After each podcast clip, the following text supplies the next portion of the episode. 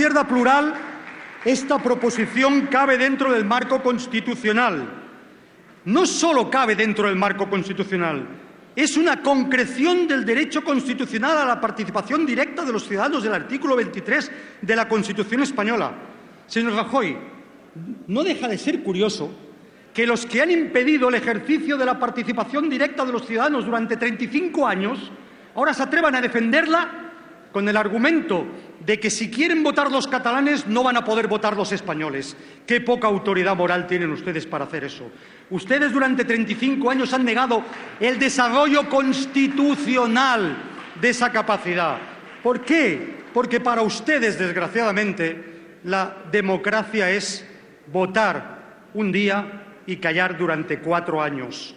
Lo repite usted permanentemente desde ese escaño cada vez que alega sus votos, los votos conseguidos, como argumento para acallar a la ciudadanía en sus expresiones democráticas en la calle o en este Parlamento.